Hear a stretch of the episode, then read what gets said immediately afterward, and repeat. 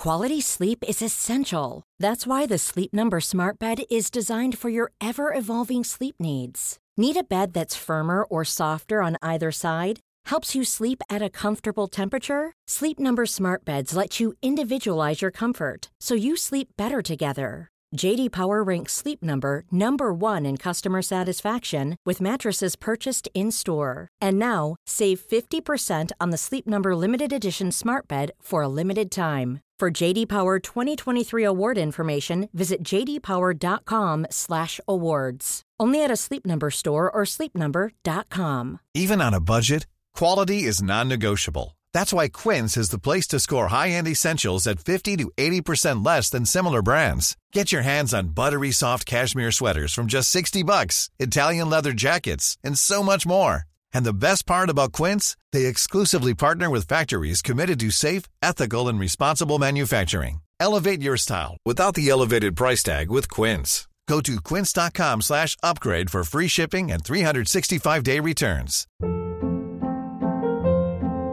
Hold up. What was that? Boring. No flavor. That was as bad as those leftovers you ate all week. Kiki Palmer here, and it's time to say hello to something fresh and guilt-free. Hello Fresh. Jazz up dinner with pecan-crusted chicken or garlic butter shrimp scampi. Now that's music to my mouth. Hello Fresh. Let's get this dinner party started. Discover all the delicious possibilities at hellofresh.com.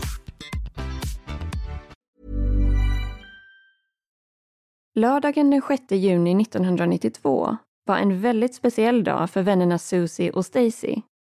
Just den här dagen firade de nämligen sin examen från high school.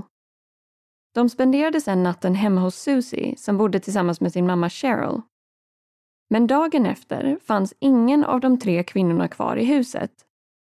Deras bilar stod parkerade utanför och alla deras personliga tillhörigheter var kvarlämnade i bostaden. Utöver en trasig lampa fanns inga som helst tecken på att en kamp hade ägt rum. Och än idag, drygt 28 år senare, finns det fortfarande betydligt fler frågor än svar i fallet som blivit känt som The Springfield 3.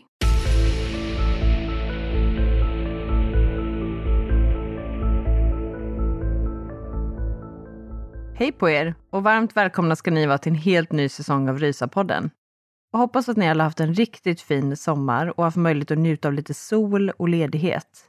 Men det ska dock erkännas att vi i alla fall är mer än redo att lämna sommaren bakom oss och istället kliva in i höstmörkret.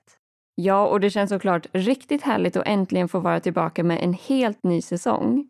Och att vi nu dessutom kommer att släppa avsnitt varje vecka. Så under större delen av hösten kommer vi nu alltså att släppa ett nytt avsnitt av podden varje måndag. Och till er som har lyssnat och prenumererat på podden tidigare vill vi bara framföra ett stort tack för att ni har haft tålamod med oss under det här långa uppehållet. Och om någon av er som lyssnar precis har hittat podden så säger vi istället tack för att ni har gett oss en chans och välkomna hit. Ja, och om det är någon som precis har börjat lyssna, eller kanske någon existerande lyssnare som glömt bort, så kan vi ju bara påminna om att det alltså var Annie som pratade alldeles nyss och jag som pratar nu är Mikaela. Ifall det var så att det var någon som kanske satt och undrade över det. Men nu tycker jag faktiskt att vi tar och går in på själva ämnet för den här veckans avsnitt. Ja, men det tycker jag. För eh, den här veckan ska vi ju prata om ett så kallat massförsvinnande. Och det är ju verkligen lite extra märkligt med sådana här typer av försvinnanden, där inte bara en, utan flera personer försvinner vid ett och samma tillfälle. Och framförallt är det ju väldigt svårt att förstå hur något sånt här kan hända och hur det ens går till. Men alla de här tankarna och olösta frågorna är ju troligtvis anledningen till att just det här fallet har fått så otroligt mycket uppmärksamhet under årens gång. Ja, för det här är ju verkligen ett extremt omtalat fall, framför allt i USA där det ägde rum. Och det vi pratar om är ju såklart försvinnandet av 47-åriga Cheryl Levitt, 19-åriga Susie Streeter och 18-åriga Stacy McCall. De här tre kvinnorna försvann under minst sagt mystiska omständigheter från en bostad i Springfield, Missouri i juni 1992. Och just därför benämns det här fallet ofta som The Springfield 3. Och det finns en hel del information att gå igenom i det här fallet, så vi tar helt enkelt och sätter igång direkt här.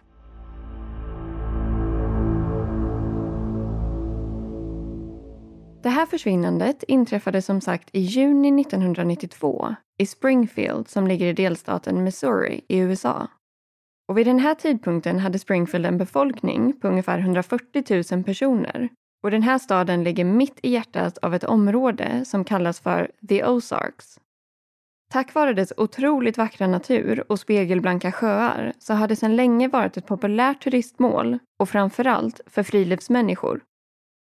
Och även om Springfield är en relativt stor stad så finns det mängder av parker, grönområden och sjöar inom nära avstånd från själva stadskärnan. Så det var alltså här som fallet kring The Springfield 3 började.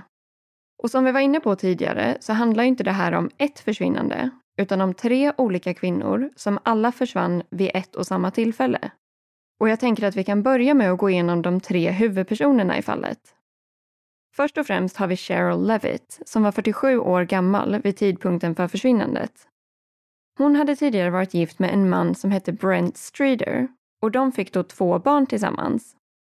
Först kom sonen Bart till världen och därefter fick de dottern Suzanne som kallades för Susie. Och mellan de två syskonen var det en åldersskillnad på nio år. Kort efter att Susie föddes så valde dock Cheryl att skilja sig från Brent.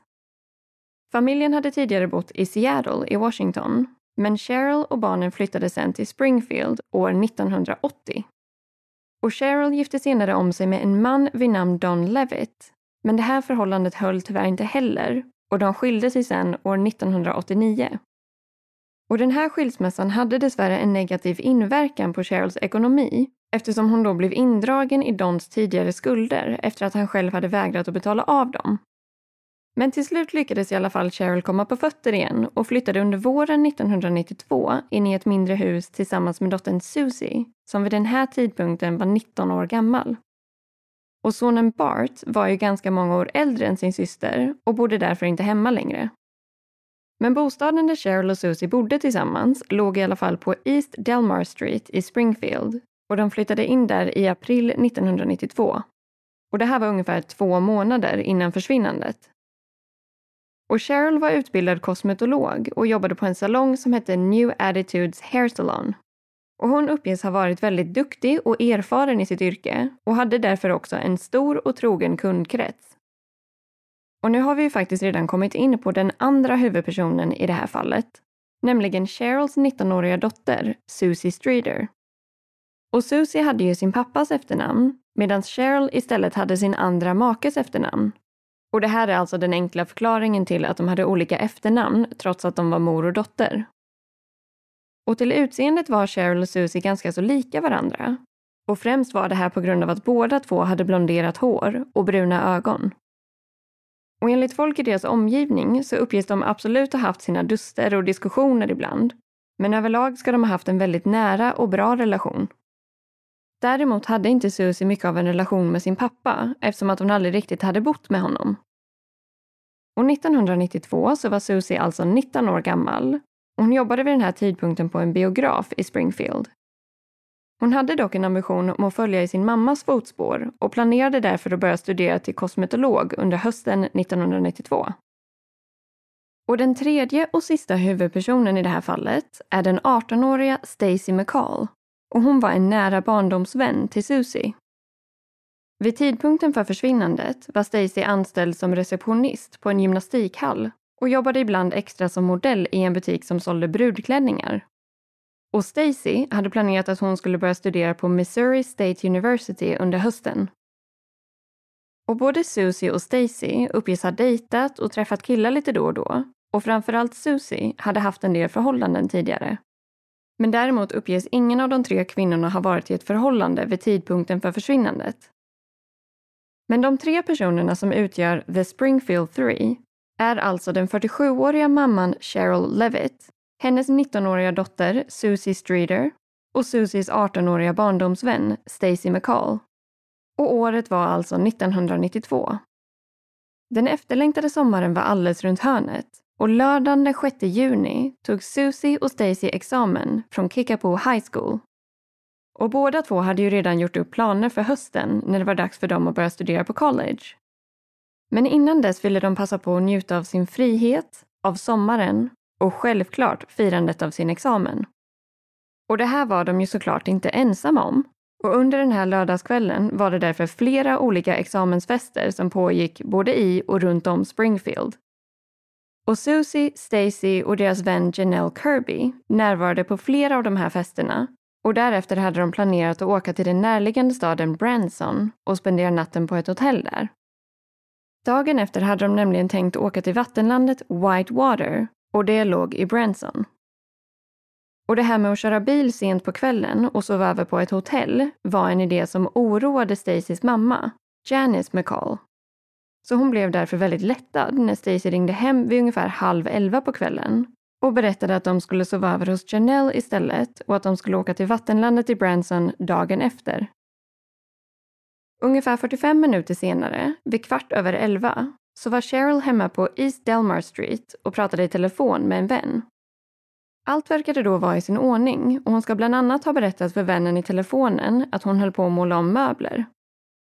Och under den här konversationen fanns inga som helst indikationer på att hon kände sig orolig, rädd eller hotad. Men just det här telefonsamtalet skulle senare visa sig vara det sista som man någonsin hört från Cheryl. Och vid den här tidpunkten var ju Susie, Stacy och Janelle fortfarande ute och festade. Och till slut hamnade de på en fest som blev avbruten av polis eftersom att grannarna hade börjat klaga över ljudnivån. Där och då bestämde de sig för att det kanske var dags att runda av kvällen och bege sig hem till Janelle. Men när de väl kom dit så insåg Susie och Stacy att det kanske skulle bli lite svårt för dem att sova över där. I och med att de firade sin examen den här helgen så hade Janelle nämligen massa släktingar på besök hemma och det var därför väldigt trångt inne i huset. Så Susie och Stacy bestämde sig därför för att åka hem till Susie och Cheryls bostad och spendera natten där istället. Och attityden gentemot det här med att dricka alkohol och köra bil är ju lite annorlunda i USA och Sverige och troligtvis ännu mer på den här tiden. Men de hade i alla fall varsin bil med sig den här kvällen så därför körde de sen hem till East Delmar Street i separata bilar. Och när de lämnade Janelles bostad uppges klockan ha varit ungefär två på morgonen och det var nu alltså tidigt på söndagen den 7 juni.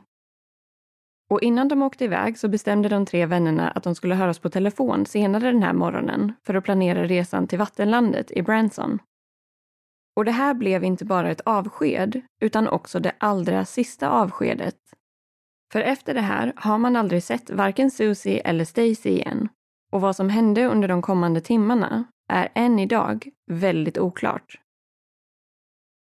Lite senare den här söndagsmorgonen så vaknade Janelle upp hemma hos sig. Hon ringde då hem till Susie för att bestämma de sista detaljerna inför resan till Branson. Och samtalen som Janelle ringde uppges ha varit mellan klockan halv åtta och nio på morgonen. Hon fick dock inget svar vid något av de här samtalen, men ska då ha utgått ifrån att Susie och Stacy fortfarande låg och sov och kanske hade glömt bort tiden. Men när ytterligare ett par timmar hade passerat bestämde sig Janelle för att åka till Susie och Cheryls hus för att kolla om de var hemma. Och hon hade då med sig sin pojkvän, Mike Henson. Och när de kom fram till huset var klockan ungefär halv ett, så alltså runt lunchtid. Utanför huset stod tre bilar parkerade och det var då Cheryl, Susie och Stacys. Och utifrån det faktumet så antog såklart Janelle och Mike att de skulle vara hemma. När de närmade sig husets entré noterade de att det låg trasigt glas på verandan. Och ganska snabbt insåg de att det kom från en lampa som satt ovanför ytterdörren. Men det var dock bara den yttre glaskupan som hade gått sönder och själva glödlampan var fortfarande helt intakt. Janelle bad då Mike att samla ihop de trasiga glasbitarna och han gick sedan iväg och slängde dem i en soptunna på andra sidan gatan. Och i den här stunden tänkte de såklart att det här bara var en vänlig gest och att det var hjälpsamt. För vid det här laget var de ju inte alls medvetna om att de faktiskt befann sig på en brottsplats och nu dessutom hade kontaminerat den.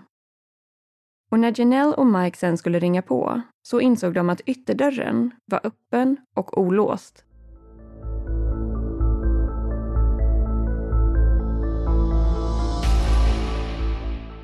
När de insåg att dörren var olåst valde de att gå in i huset och började sedan att ropa på Susie och Stacy. De fick dock inget svar tillbaka och inte heller Cheryl verkade vara hemma. De möttes däremot av Cheryl och Susies hund, en Yorkshire terrier som hette Cinnamon. Och den här lilla hunden var som sagt själv hemma och verkade väldigt orolig och stressad. Janelle och Mike fortsatte att kolla runt i huset och överlag såg ingenting speciellt oroande ut och allt verkade vara i sin ordning. De noterade dock att tvn var på, men att den inte var inställd på någon kanal, så därför bestod bilden bara av brus och det som ofta brukar beskrivas som myrornas krig. Och kort efter att de hade tagit sig in i huset, ungefär vid kvart i ett, så ringde det plötsligt på hemtelefonen. Janelle bestämde sig då för att svara eftersom hon hoppades att det kanske var någon som visste var Susie och Stacy hade tagit vägen. Men det hon istället möttes av var en mansröst som slängde ut sig massa vidriga och stötande sexuella fraser. Så hon la då snabbt på luren. Men kort därefter ringde det igen och det var då samma man som då bara fortsatte där han blev avbruten när hon lagt på tidigare. Janelle slängde då på luren igen och efter det här så lämnade hon och Mike bostaden. Och vid den här tidpunkten tänkte Janelle att det bara var någon som höll på och busringde på hemtelefonen och att Susie, Stacy och Cheryl säkert var iväg på något ärende och skulle återvända snart. Dessutom såg det inte ut som att någonting oroande hade hänt i huset, så därför ringde aldrig Janelle och Mike till polisen efter att ha besökt bostaden. Och senare den här söndagen, när det började bli kväll, så hade Stacys mamma Janice hunnit bli väldigt orolig eftersom att hon inte hade hört något från sin dotter sedan kvällen innan. Och det senaste hon visste var ju att Stacy och Susie planerade att sova över hos Janelle men de här planerna hade ju ändrats i sista minuten under natten och det här var ju dessvärre inte Janice medveten om. Men till slut lyckades hon i alla fall lista ut att Stacy istället ska ha sovit över hemma hos Susie och Cheryl och hon bestämde sig då för att åka dit och kolla läget. Hon kom fram till huset på East Delmar Street och eftersom dörren fortfarande var olåst kunde hon enkelt ta sig in i bostaden. Men Janis reaktion var ganska så annorlunda från Janelle och Mikes hon kände nämligen direkt att någonting var väldigt fel i den här situationen. Uppenbarligen befann sig ingen av de tre kvinnorna i bostaden, men deras bilar stod som sagt parkerade utanför och inne i huset fanns dessutom deras personliga tillhörigheter. Alla tre handväskor låg prydligt uppradade på ett och samma ställe i närheten av Susies rum. Inuti Cheryls väska låg ungefär 900 dollar i kontanter och det här visade sig vara pengar som hon hade fått på salongen men ännu inte hunnit sätta in på banken. Och saker som plånböcker och nycklar fanns också kvarlämnade i väskorna. Och Cheryl och Susie rökte både mycket och ofta. Men deras cigarettpaket och tändare låg också kvar hemma, vilket var väldigt ovanligt. Och Stacy drabbades då och då av migrän och Janice visste därför att hennes dotter alltid bar med sig sin migränmedicin i princip vart hon än skulle. Men även den låg kvar i hennes handväska. Och Janis oro växte sig sedan allt starkare när hon gick in i Susies rum. Där hittade hon nämligen Stacys kläder, skor och smycken i en prydlig hög vid sidan av sängen. Och vid det här laget bestämde hon sig för att det var dags att larma polisen. Hon använde sig då av Cheryl och Susies hemtelefon för att ringa samtalet. Alltså samma telefon som Janelle hade svarat i tidigare under dagen. Och när Janice anmälde sin dotter försvunnen hade mer än 16 timmar passerat sedan tidpunkten då Stacy och Susie sågs till utanför Janelle Kirbys bostad tidigare under natten. Och under tiden som Janice befann sig i huset noterade hon att det fanns ett ouppspelat meddelande på telefonen. Hon valde då att lyssna av det och i samband med det här så raderades meddelandet av misstag. Och det finns lite olika information om hur det här hände. Vissa källor uppger att Janet helt enkelt råkade radera meddelandet medan andra uppger att vissa telefonsvarare på den här tiden automatiskt raderade meddelanden efter att de hade blivit avlyssnade. Men oavsett vad så fanns det här meddelandet tyvärr inte kvar när polisen väl anlände till platsen. Och när Janice informerade polisen om meddelandet beskrev hon att det var en mansröst och att själva meddelandet överlag var väldigt märkligt. Däremot ska hon inte ha uppfattat exakt vad mannen sa. Och polisen var inte helt övertygade om att det här meddelandet hade någon direkt koppling till de samtalen som Janelle hade tagit emot tidigare under dagen. De misstänkte däremot att det här raderade meddelandet kunde ha innehållit någon form av ledtråd. Och därför är det ju väldigt sorgligt och frustrerande att det raderades innan de hann lyssna av och analysera det. Och man får väl helt enkelt utgå ifrån att det inte på något sätt gick att få tillbaka eller återskapa raderade meddelanden från just den här typen av telefonsvarare. Men när polisen väl fick in larmet från Janice så hade ju väldigt många timmar passerat sedan Janelle och Mike var där tidigare under dagen. Och utöver att kolla runt i huset hade de ju dessutom hunnit sopa bort glasbitarna från den trasiga lampan vid ytterdörren. Däremot informerade de polisen om att lampan var trasig när de anlände och att de då hade städat upp och dessvärre också slängt glasbitarna. Men det skulle senare visa sig att det inte bara var Janelle, Mike och Janice som hade varit inne i bostaden, utan att flera andra personer också hade varit inne i huset för att leta efter de tre försvunna kvinnorna. Och polisen uttalade sig senare om att det kan ha varit uppemot 20 personer som vid något tillfälle hade varit inne i hemmet innan dess att bostaden spärrades av som en officiell brottsplats. Så det verkar helt enkelt som att ingen riktigt förstod allvaret i situationen och insåg att det här faktiskt var en brottsplats och borde ha behandlats som det från allra första början. Och alla de här personerna som hade besökt bostaden under den här tiden bestod främst av oroliga släktingar och vänner som inte heller hade hört något från Cheryl, Susie eller Stacy och därför hade begett sig till hemmet för att leta efter dem. Och vissa av de här personerna hade dessutom flyttat runt på och rört vid flera olika saker i samband med att de letade efter de tre kvinnorna. Och på grund av det här hade ju brottsplatsen tyvärr hunnit bli väldigt kontaminerad innan polisen hann dit för att undersöka bostaden. Men när polisen väl gjorde sin undersökning av hemmet så noterade de såklart allt det som skapat en stark oro hos Janice. Det vill säga faktumet att bilarna stod parkerade utanför huset och att viktiga personliga tillhörigheter som väskor, plånböcker och nycklar var kvarlämnade i bostaden. Och utöver det hade ju till och med hunden Cinnamon lämnats kvar. Och det framgår inte speciellt tydligt, men eh, man får ju verkligen hoppas att någon tog hand om den här stackars hunden. Men spontant så verkar det i alla fall inte som att de tre kvinnorna hade lämnat huset frivilligt eller att de hade planerat att vara borta någon längre stund.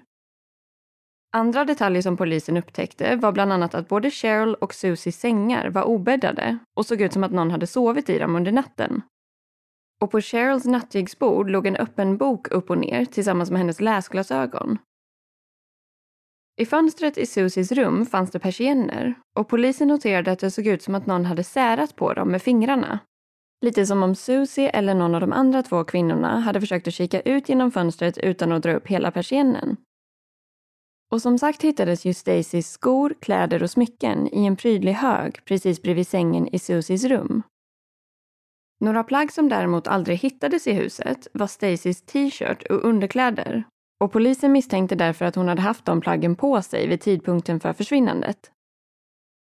I badrummet i huset hittades också en fuktig handduk i en mindre storlek och polisens teori var då att den hade använts under natten för att tvätta bort smink. Och vid handfatet i badrummet låg dessutom Susies smycken. Så det fanns ju en hel del saker som indikerade att Susie och Stacy hade kommit hem och börjat göra sig i ordning för att gå och lägga sig och att de kanske till och med hade hunnit somna när någonting inträffade, som i sin tur orsakade de tre kvinnornas försvinnande. Och det enda i hemmet som indikerade att någon form av kamp eller våld eventuellt kunde ha ägt rum var ju den trasiga lampan vid ytterdörren. Och som sagt var ju inte själva glödlampan trasig, utan bara glaskupan runt om. Det verkade därför inte som om lampan hade gått sönder i någon form av kamp vid dörren, utan snarare som att någon hade skruvat loss glaskupan och sen exempelvis tappat den i marken. Och det var ju de här glasbitarna som Janelle och Mike dessvärre hade råkat slänga. Men i samband med att polisen undersökte bostaden så lämnade de ett meddelande på ytterdörren. Och det som stod var då att om Cheryl, Susie och Stacy kom hem och såg det här meddelandet så skulle de genast ringa in till polisen och berätta att de var i säkerhet.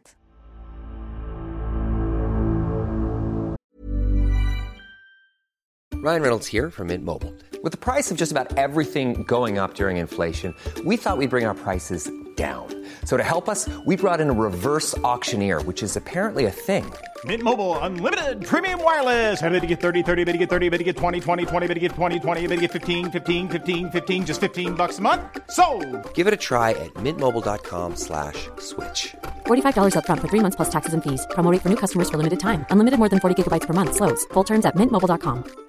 A lot can happen in three years, like a chatbot may be your new best friend. But what won't change? Needing health insurance. United Healthcare Tri Term Medical Plans, underwritten by Golden Rule Insurance Company, offer flexible, budget friendly coverage that lasts nearly three years in some states. Learn more at uh1.com. Hold up. What was that? Boring. No flavor. That was as bad as those leftovers you ate all week. Kiki Palmer here, and it's time to say hello to something fresh and guilt-free. Hello Fresh. Jazz up dinner with pecan-crusted chicken or garlic butter shrimp scampi. Now that's music to my mouth. Hello Fresh. Let's get this dinner party started. Discover all the delicious possibilities at hellofresh.com.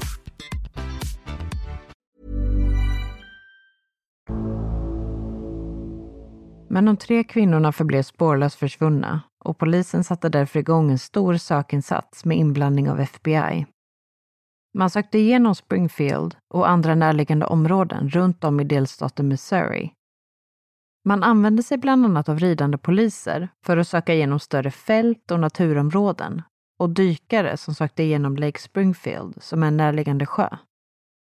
Och mycket tack vare Stacys mamma Janice och andra frivilliga som hjälpte till i sökandet så hade man till slut lyckats dela ut och sätta upp över 20 000 posters med information och bilder på Cheryl, Susie och Stacy. Den här enorma sökinsatsen genererade en hel del uppmärksamhet från både allmänheten och lokal media. I samband med den mediala uppmärksamheten så började de tre försvunna kvinnorna att kallas för The Springfield Three och det dröjde sedan inte speciellt länge innan polisen började få in tips från personer som tyckte sig ha sett kvinnorna eller trodde att de hade annan värdefull information att dela med sig av.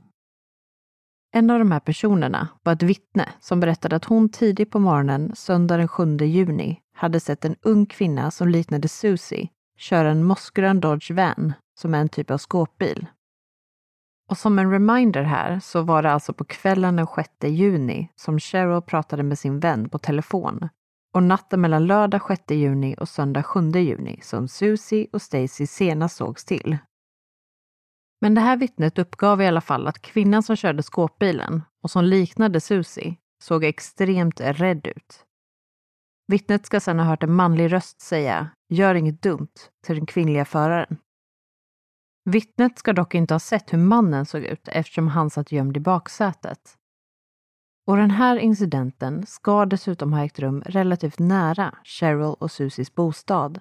Och det skulle senare komma in fler vittnesmål kopplade till den här gröna skåpbilen. En man uppgav att han hade sett en blond kvinna sitta i förarsätet av en liknande bil på en parkeringsplats vid en matbutik i centrala Springfield han tyckte då att bilen såg suspekt ut och skrev därför ner registreringsnumret på en tidning som han hade med sig.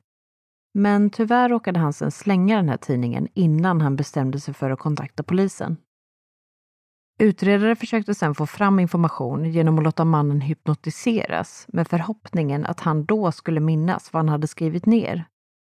Dessvärre lyckades han då bara få fram några av siffrorna från skylten och än idag har polisen inte kunnat fastställa om en grön skåpbil av den här beskrivningen faktiskt var inblandad i de tre kvinnornas försvinnande.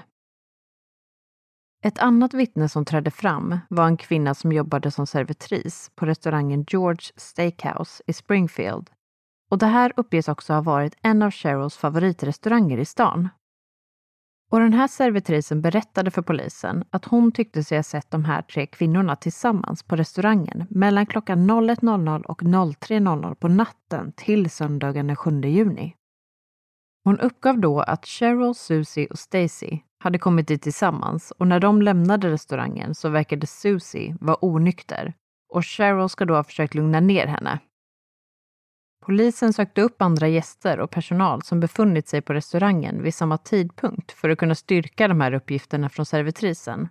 Men dessvärre hade ingen annan noterat de tre kvinnorna. Därför ansåg polisen att det här inte var ett pålitligt vittnesmål och att servitrisen kanske blandade ihop datumen och hade sett kvinnorna vid ett annat tillfälle.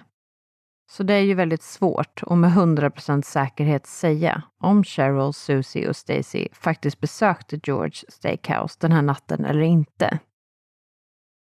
Det fanns också en del andra vittnen som hörde av sig till polisen och sa att de tidigt på söndagsmorgonen den 7 juni hade hört en eller flera kvinnors skrik följt av vad som lät som en snabbt accelererande bil. Polisen sökte igenom det angivna området, men det ledde dessvärre ingenstans alls. Så trots alla de tips och vittnesmål som kom in till polisen så stod utredningen i princip helt still och det fanns tyvärr inte speciellt mycket att gå på. Det enda man visste säkert var ju att Cheryl hade pratat med en vän på telefon vid elva tiden på lördagskvällen och att allt då hade verkat vara i sin ordning i hemmet. Utöver det kunde polisen bekräfta att Susie och Stacy såg senast omkring 02-tiden på natten mellan lördagen och söndagen utanför Janelle Kirbys bostad innan de åkte hem i sina separata bilar som senare stod parkerade utanför huset. Och utifrån det man hittade inuti huset så var det ju mycket som pekade på att Susie och Stacy hade kommit hem säkert och att alla tre kvinnor hade börjat göra sig i ordning för att gå och lägga sig. Eller att de hade gått och lagt sig när någonting hände. Men det som hände kunde ju däremot inte ha varit speciellt våldsamt eller högljutt eftersom att grannarna inte hade hört något speciellt och hemmet var i sitt normala skick utöver att glaskupan till en lampa var trasig. Och att tvinga ut tre vuxna kvinnor ur huset mitt i natten krävde ju troligtvis att gärningsmannen eller gärningsmännen lyckats få total kontroll över dem. Exempelvis genom att hålla dem under pistolhot under hela bortförandet. Men ett annat sätt hade också kunnat vara att snabbt vinna deras tillit på något sätt. Exempelvis genom att klä ut sig till polis eller brandman eller liknande. Det finns också en teori om att gärningsmannen ska ha varit utklädd till en person som arbetade för ett gasföretag. Han ska sedan ha knackat på mitt i natten och alarmerat kvinnorna om att en gasläcka upptäckts och att de därför var tvungna att utrymma området. Och det här hade ju såklart varit ett effektivt sätt att snabbt få ut kvinnorna ur huset och sen kunna leda iväg dem i valfri riktning. Och exempelvis in i en skåpbil. Men den här teorin har dock aldrig kunnat bevisas. Ett annat alternativ kopplat till att vinna kvinnornas tillit var ju såklart möjligheten att gärningsmannen eller gärningsmännen var någon som en eller flera av kvinnorna faktiskt kände. Då skulle de ju i teorin frivilligt ha kunnat släppa in personen i huset, även om det var mitt i natten. Polisen började därför ganska tidigt i utredningen och utforska kvinnornas sociala nätverk och kontakter. Och en av de misstänkta som kom upp var då Bart Streeter, alltså Cheryls son och Susies nio år äldre bror. Det visade sig nämligen att det hade förekommit en del problem i familjen och att Bart inte hade haft den bästa av relationer med sin mamma och syster. Han hade nämligen problem med alkoholmissbruk och vid ett tillfälle när han fortfarande bodde hemma så slängde Cheryl ut honom och sa att om du ska leva i mitt hus så får du leva efter mina regler. Därefter så såg de inte varandra på nästan tio år. Bart kom sedan tillbaka till Springfield och Cheryl och Susie bestämde sig för att försöka bygga upp relationen med honom igen. Och vid ett senare tillfälle flyttade Susie och Bart ihop. Men det här slutade inte speciellt bra eftersom Bart fortfarande var fast i sitt alkoholmissbruk och de dessutom bråkade väldigt mycket. Och enligt vissa uppgifter ska det vid ett tillfälle ha gått så pass långt att deras bråk blev fysiska och våldsamma. Susie fick då nog av att bo med sin äldre bror och flyttade in med mamma Cheryl igen. Men trots att deras relation inte var den bästa så hittade polisen ingenting som tydde på att Bart skulle haft något att göra med Cheryl, Susie och Stacys försvinnande. Polisen utredde också Cheryls tidigare makar. Dels barnets pappa, Brent Streeter, men också hennes senare make, Don Levitt. Susie och Bart hade ju inte någon nära relation med sin pappa, men kanske kunde det finnas någon form av hemmotiv där. Och äktenskapet med Don hade ju inte slutat speciellt bra eftersom att han hade en del skulder som Cheryl drogs in i. Men det här spåret utreddes i alla fall och polisen kunde senare utesluta båda Cheryls exmakar från utredningen och Cheryl hade ju ungefär 250 återkommande kunder på salongen där hon jobbade. Så polisen utredde också möjligheten att hon kanske hade haft en kund som hade blivit besatt av henne utan hennes vetskap. Det här spåret ledde dock inte heller någon vart. Utöver det så utredde polisen även Susies livssituation, relationer och bekantskaper. och ganska så snabbt så blev hennes före detta pojkvän Dustin Reckla och hans vän Michael Clay av intresse i utredningen. Under tiden som Susie och Dustin var tillsammans så ska nämligen Dustin och Michael ha blivit gripna för att ha vandaliserat ett mausoleum. Och det här är ju en typ av minnesgrav skulle man kunna säga. Och tydligen ska Dustin och Michael dessutom ha grävt upp lik och plundrat graven. Mer exakt så hade de stulit guldtänder från de begravda liken i syfte att sedan sälja guldet vidare. Och det här beteendet är ju både hemskt och omoraliskt på flera olika nivåer. Så när Susie fick reda på det här gjorde hon slut på en gång och sa även att hon kunde vittna mot Dustin och Michael i rätten. Och allt det här var bara ett par månader innan försvinnandet och själva rättegången planerades äga rum senare det här året. Så eventuellt kanske Dustin och Michael var arga på Susie och därför ville skrämma henne eller hota henne, men att något då gick väldigt fel men spontant så känns det ju ganska så extremt att de skulle vilja kidnappa och mörda alla tre kvinnor på grund av en sån här sak. Eftersom det straff som de riskerade att få för vandaliseringen och gravplundringen inte ens var speciellt hårt. När polisen förhörde de två killarna så ska dock Dustins vän Michael ha sagt något i stil med I hope those bitches are dead. Så oavsett vad kan man ju konstatera att de här killarna inte precis var några helgon men de uppges däremot alltid ha varit väldigt samarbetsvilliga i utredningen och polisen har aldrig lyckats bevisa att de på något vis skulle vara kopplade till försvinnandet eller att de befunnit sig på brottsplatsen vid just den tidpunkten. Och än idag är det många som är övertygade om att de bär någon form av skuld i det här fallet. Samtidigt finns det andra som anser att två unga och oerfarna killar som Dustin och Michael aldrig skulle ha klarat av att genomföra ett sånt här typ av bortförande utan att lämna ett enda spår.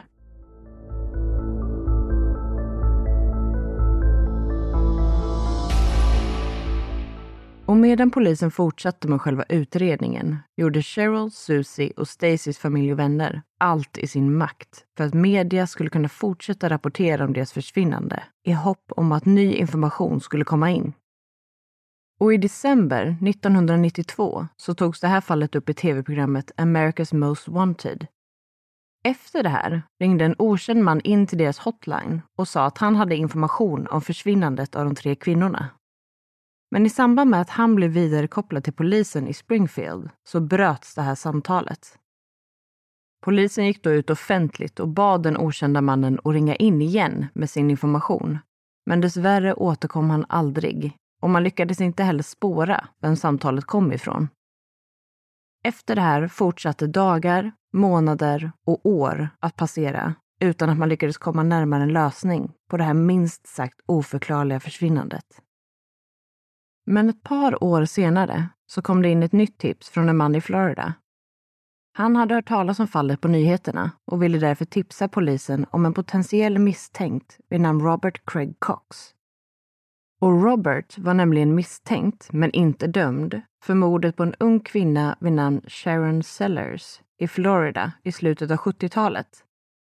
Och den här mannen som ringde in och tipsade om Robert Cox visade sig vara Sharons bror. Och det finns väldigt mycket som man skulle kunna gå in på gällande mordet på Sharon. Men kort sagt kan man säga att det fanns väldigt mycket som pekade på att Robert faktiskt hade dödat henne. Men på grund av bristande bevis åtalades han aldrig och släpptes på fri fot. Under mitten av 80-talet dömdes Robert för kidnappning och övergrepp på två andra kvinnor i Kalifornien. Ungefär vid samma tidpunkt blev han dessutom tillbakaskickad till Florida och återigen åtalad för mordet på Sharon Seller. Det hela slutade med att han dömdes till döden, men den här domen hävdes senare på grund av samma anledning som tidigare, nämligen bristande bevis. Och till slut blev Robert i alla fall villkorligt frigiven och flyttade då hem till sina föräldrar som bodde i Springfield. Och det här var i början av 1992, alltså bara ett par månader innan Cheryl, Susie och Stacys försvinnande. Och anledningen till att Sharons bror visste att Robert befann sig i Springfield vid den här tidpunkten var på grund av att han och resten av familjen hade bestämt sig för att hålla lite koll på honom efter att han återigen friats för mordet på Sharon Och när polisen började utreda tipset om Robert visade det sig att han hade haft en hel del olika jobb under tiden han bodde i Springfield. Bland annat ska han ha jobbat som någon form av tekniker eller reparatör inom elunderhåll. Och i sådana typer av yrken har man ju ofta på sig lite uniformsliknande kläder. Och som vi var inne på tidigare så finns det ju en teori om att en uniformsklädd person ska ha knackat på och till exempel hävdat att en gasläcka hade upptäckts och att kvinnorna snabbt behövde lämna bostaden. Men utöver det jobbet så hade Robert också varit anställd som mekaniker på en bilåterförsäljare och verkstad. Och märkligt nog visade det sig att Stacy McCalls pappa hade jobbat som säljare där under samma period det här ledde till en misstanke om att Stacy vid något tillfälle skulle ha besökt sin pappa på jobbet och att Robert då ska ha fått syn på henne och där och då börjat planera för att kidnappa henne. Polisen tog in honom på flera förhör, men hade inga konkreta bevis för att kunna koppla honom till försvinnandet. Dessutom hade Robert ett starkt alibi för just de timmarna då man misstänkte att de tre kvinnorna kidnappades från hemmet. År 1995 arresterades Robert igen och den här gången var det för väpnat rån där han höll en 12-årig flicka under pistolhot i Texas. Och han dömdes faktiskt senare till livstid för det här brottet. Och det här är ett straff som han än idag avtjänar. Men Roberts starka alibi för natten mellan lördag 6 juni och söndag 7 juni 1992 togs däremot senare tillbaka det var nämligen hans dåvarande flickvän och hon uppgav då till polisen i Springfield att Robert hade hotat henne att täcka upp för honom och att han hade instruerat henne om vad hon skulle säga till polisen. Och Robert ska också vid ett tillfälle ha uttalat sig till journalister och sagt att han visste att de tre försvunna kvinnorna var döda, att deras kroppar var begravda någonstans i närheten av Springfield och att de aldrig skulle hittas. Och vid ett annat tillfälle ska han dessutom ha uttalat sig om att han en dag skulle berätta sanningen om vad som hände Cheryl, Susie och Stacy. Men att han inte skulle göra det här innan hans mamma gick bort. Eftersom att han inte ville riskera att hon skulle bli upprörd eller besviken. Och allt det här verkar såklart väldigt misstänkt och trots att polisen aldrig har kunnat bevisa att Robert Cox låg bakom försvinnandet av The Springfield 3 så anses han fortfarande vara huvudmisstänkt i fallet det ska dock sägas att polisen har varit väldigt skeptiska till vissa av Roberts uttalanden eftersom han hade en historik av att ha försökt vilseleda och ljuga för utredare. Och därför finns det såklart också en möjlighet att han faktiskt inte är inblandad eller vet något alls. Och att han helt enkelt bara vill åt all den uppmärksamhet som det här fallet har genererat under alla dessa år. Men oavsett vad så är det i alla fall väldigt positivt att Robert Cox än idag sitter fängslad för ett annat brott och förhoppningsvis kommer han också att göra det väldigt, väldigt länge. I början av 2000-talet fick polisen in ett tips från en person som hävdade att Cheryl, Susie och Stacys kroppar låg begravda under parkeringsgaraget på ett lokalt sjukhus i Springfield. Och märkligt nog heter det här sjukhuset Cox Hospital, vilket såklart får tanken att vandra till Robert Cox. Och det här sjukhuset byggdes under ungefär samma tidsperiod som de tre kvinnorna försvann. Och därför var misstanken att den eller de skyldiga hade gömt kropparna i betongen under sjukhuset. Och att börja riva upp grunden till hela sjukhuset är såklart inget man gör lättvindigt. Men det här blev såklart ett väldigt omtalat spår i utredningen. En reporter anlitade senare ur egen ficka en erkänd maskiningenjör för att undersöka platsen där kropparna påstås ligga begravda. Med hjälp av radarskanning hittade han då tre avvikelser i marken som alla var av liknande storlek. Han kunde däremot varken neka eller bekräfta att det var människokroppar utan att göra fler tester. Däremot fanns det också många brister i den här teorin och tidslinjen av bygget matchade inte riktigt ihop med själva försvinnandet och det antagna mordet på de tre kvinnorna. Dessutom ska experter ha uttalat sig och sagt att det på flera olika sätt skulle ha märkts om någon hade begravt kroppar i cementgrunden. Men det blev sen mer och mer påtryckning och åsikter från allmänheten om att polisen skulle ta fler prover och utforska möjligheten att tre kroppar och sanningen kring Cheryl, Susie och Stacys öde faktiskt ligger begravda under Cox Hospital. Flera personer ska också erbjudit sig att betala för undersökningen själva och dessutom intygat polisen och sjukhuset om att det inte alls behövde vara ett så pass stort och kostsamt ingrepp som de trodde. Men polisen har alltid varit väldigt måna om att inte störa driften av ett stort och välbesökt sjukhus och speciellt om det inte finns några konkreta bevis för att kropparna faktiskt låg där.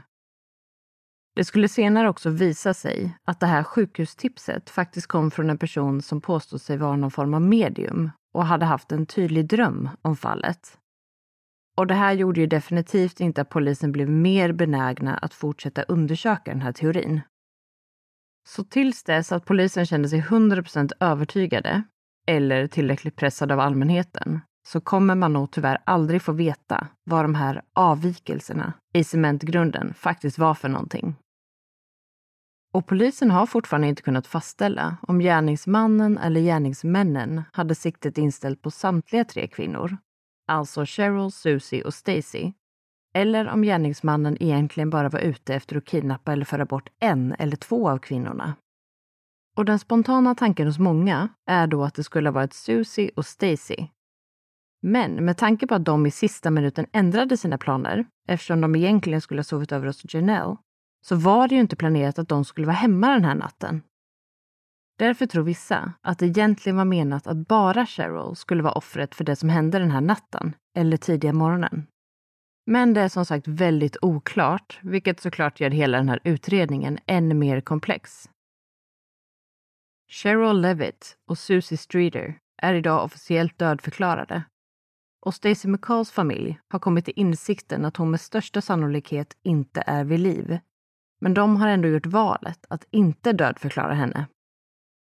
Fallet är dock fortfarande rubricerat som ett försvinnande och polisen uppges fortfarande få in nya tips varje månad som de följer upp.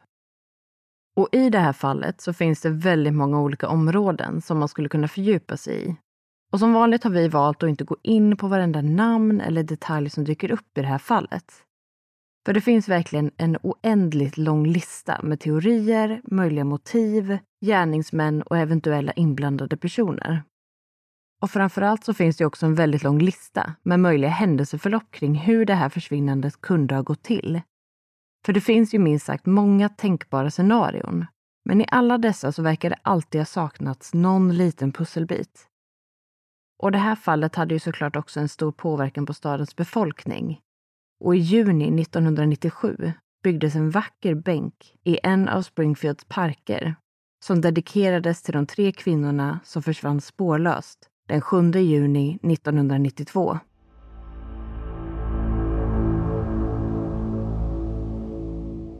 Jag tror nog faktiskt att vi alla kan enas om att det här är ännu ett fall där man bara blir mer och mer förvirrad ju mer man hör eller läser om det.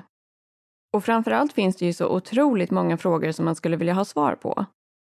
Bland annat vad som skulle ha hänt om både det trasiga glaset på verandan och det här raderade meddelandet på telefonsvararen inte hade förstörts av misstag där i början av utredningen. Ja, man undrar ju verkligen om det i så fall kunde ha hjälpt till i utredningen. Men sen vet man ju inte ens helt säkert om den trasiga lampan hade någonting att göra med själva försvinnandet. Men en annan sak som spontant känns lite konstig i det här är ju faktumet att ingen, förutom Janice, verkar ta situationen på allvar till en början. Och att man därför kanske inte insåg att det kanske inte är helt optimalt att klampa runt i ett hus och flytta på massa saker om man misstänker att någon form av brott kan ha ägt rum. Men man får ju dock påminna sig om att det här var år 1992. Och om det här hade hänt idag hade nog utfallet förhoppningsvis kanske varit ganska så annorlunda. För idag blir vi ju verkligen matade med bland annat tv och film där det pratas om att kontaminera brottsplatser och vikten av att kunna bevara bevis som DNA och fingeravtryck och så vidare. Men man kan ju tänka sig att det kanske inte var riktigt samma sak i början av 90-talet. Nej, det är ju absolut väldigt sant. Men det är ju faktiskt ganska så obehagligt att tänka på hur små, små ageranden och händelser ändå kan få en så enormt stor påverkan i en utredning som till exempel den här. Men man får väl helt enkelt vänta och se om eh, Robert Cox någonsin kommer att erkänna eller berätta någonting mer efter att hans mamma gått bort. Och det hade ju också varit intressant om polisen en vacker dag bestämmer sig för att godkänna fler tester och provtagning av den här eh, cementgrunden på Cox Hospital. Om inte annat hade det ju på ett sätt varit bra att göra det bara för att kunna utesluta hela den här teorin och för att folk inte ska behöva känna att tänk om lösningen finns där. Men oavsett vad får man ju hoppas att deras familj och anhöriga någon gång under sin livstid kommer få veta sanningen om vad som faktiskt hände Cheryl, Susie och Stacy under de där tidiga morgontimmarna. Ja, det får man ju verkligen hoppas. Och att de ska få veta sanningen är ju givetvis det som betyder allra mest. Men som sagt så finns det väldigt mycket information där ute för er som skulle vilja fördjupa er ännu mer i det här fallet. Men nu har det faktiskt blivit dags för oss att sätta punkt för den här veckans avsnitt. Men vi hoppas i alla fall att ni ser fram emot hösten lika mycket som vi gör och att ni vill hänga med oss under den kommande säsongen. Och innan vi säger hej då vill vi som alltid skicka med ett stort tack för att just du har valt att lyssna på det här avsnittet av Rysapodden.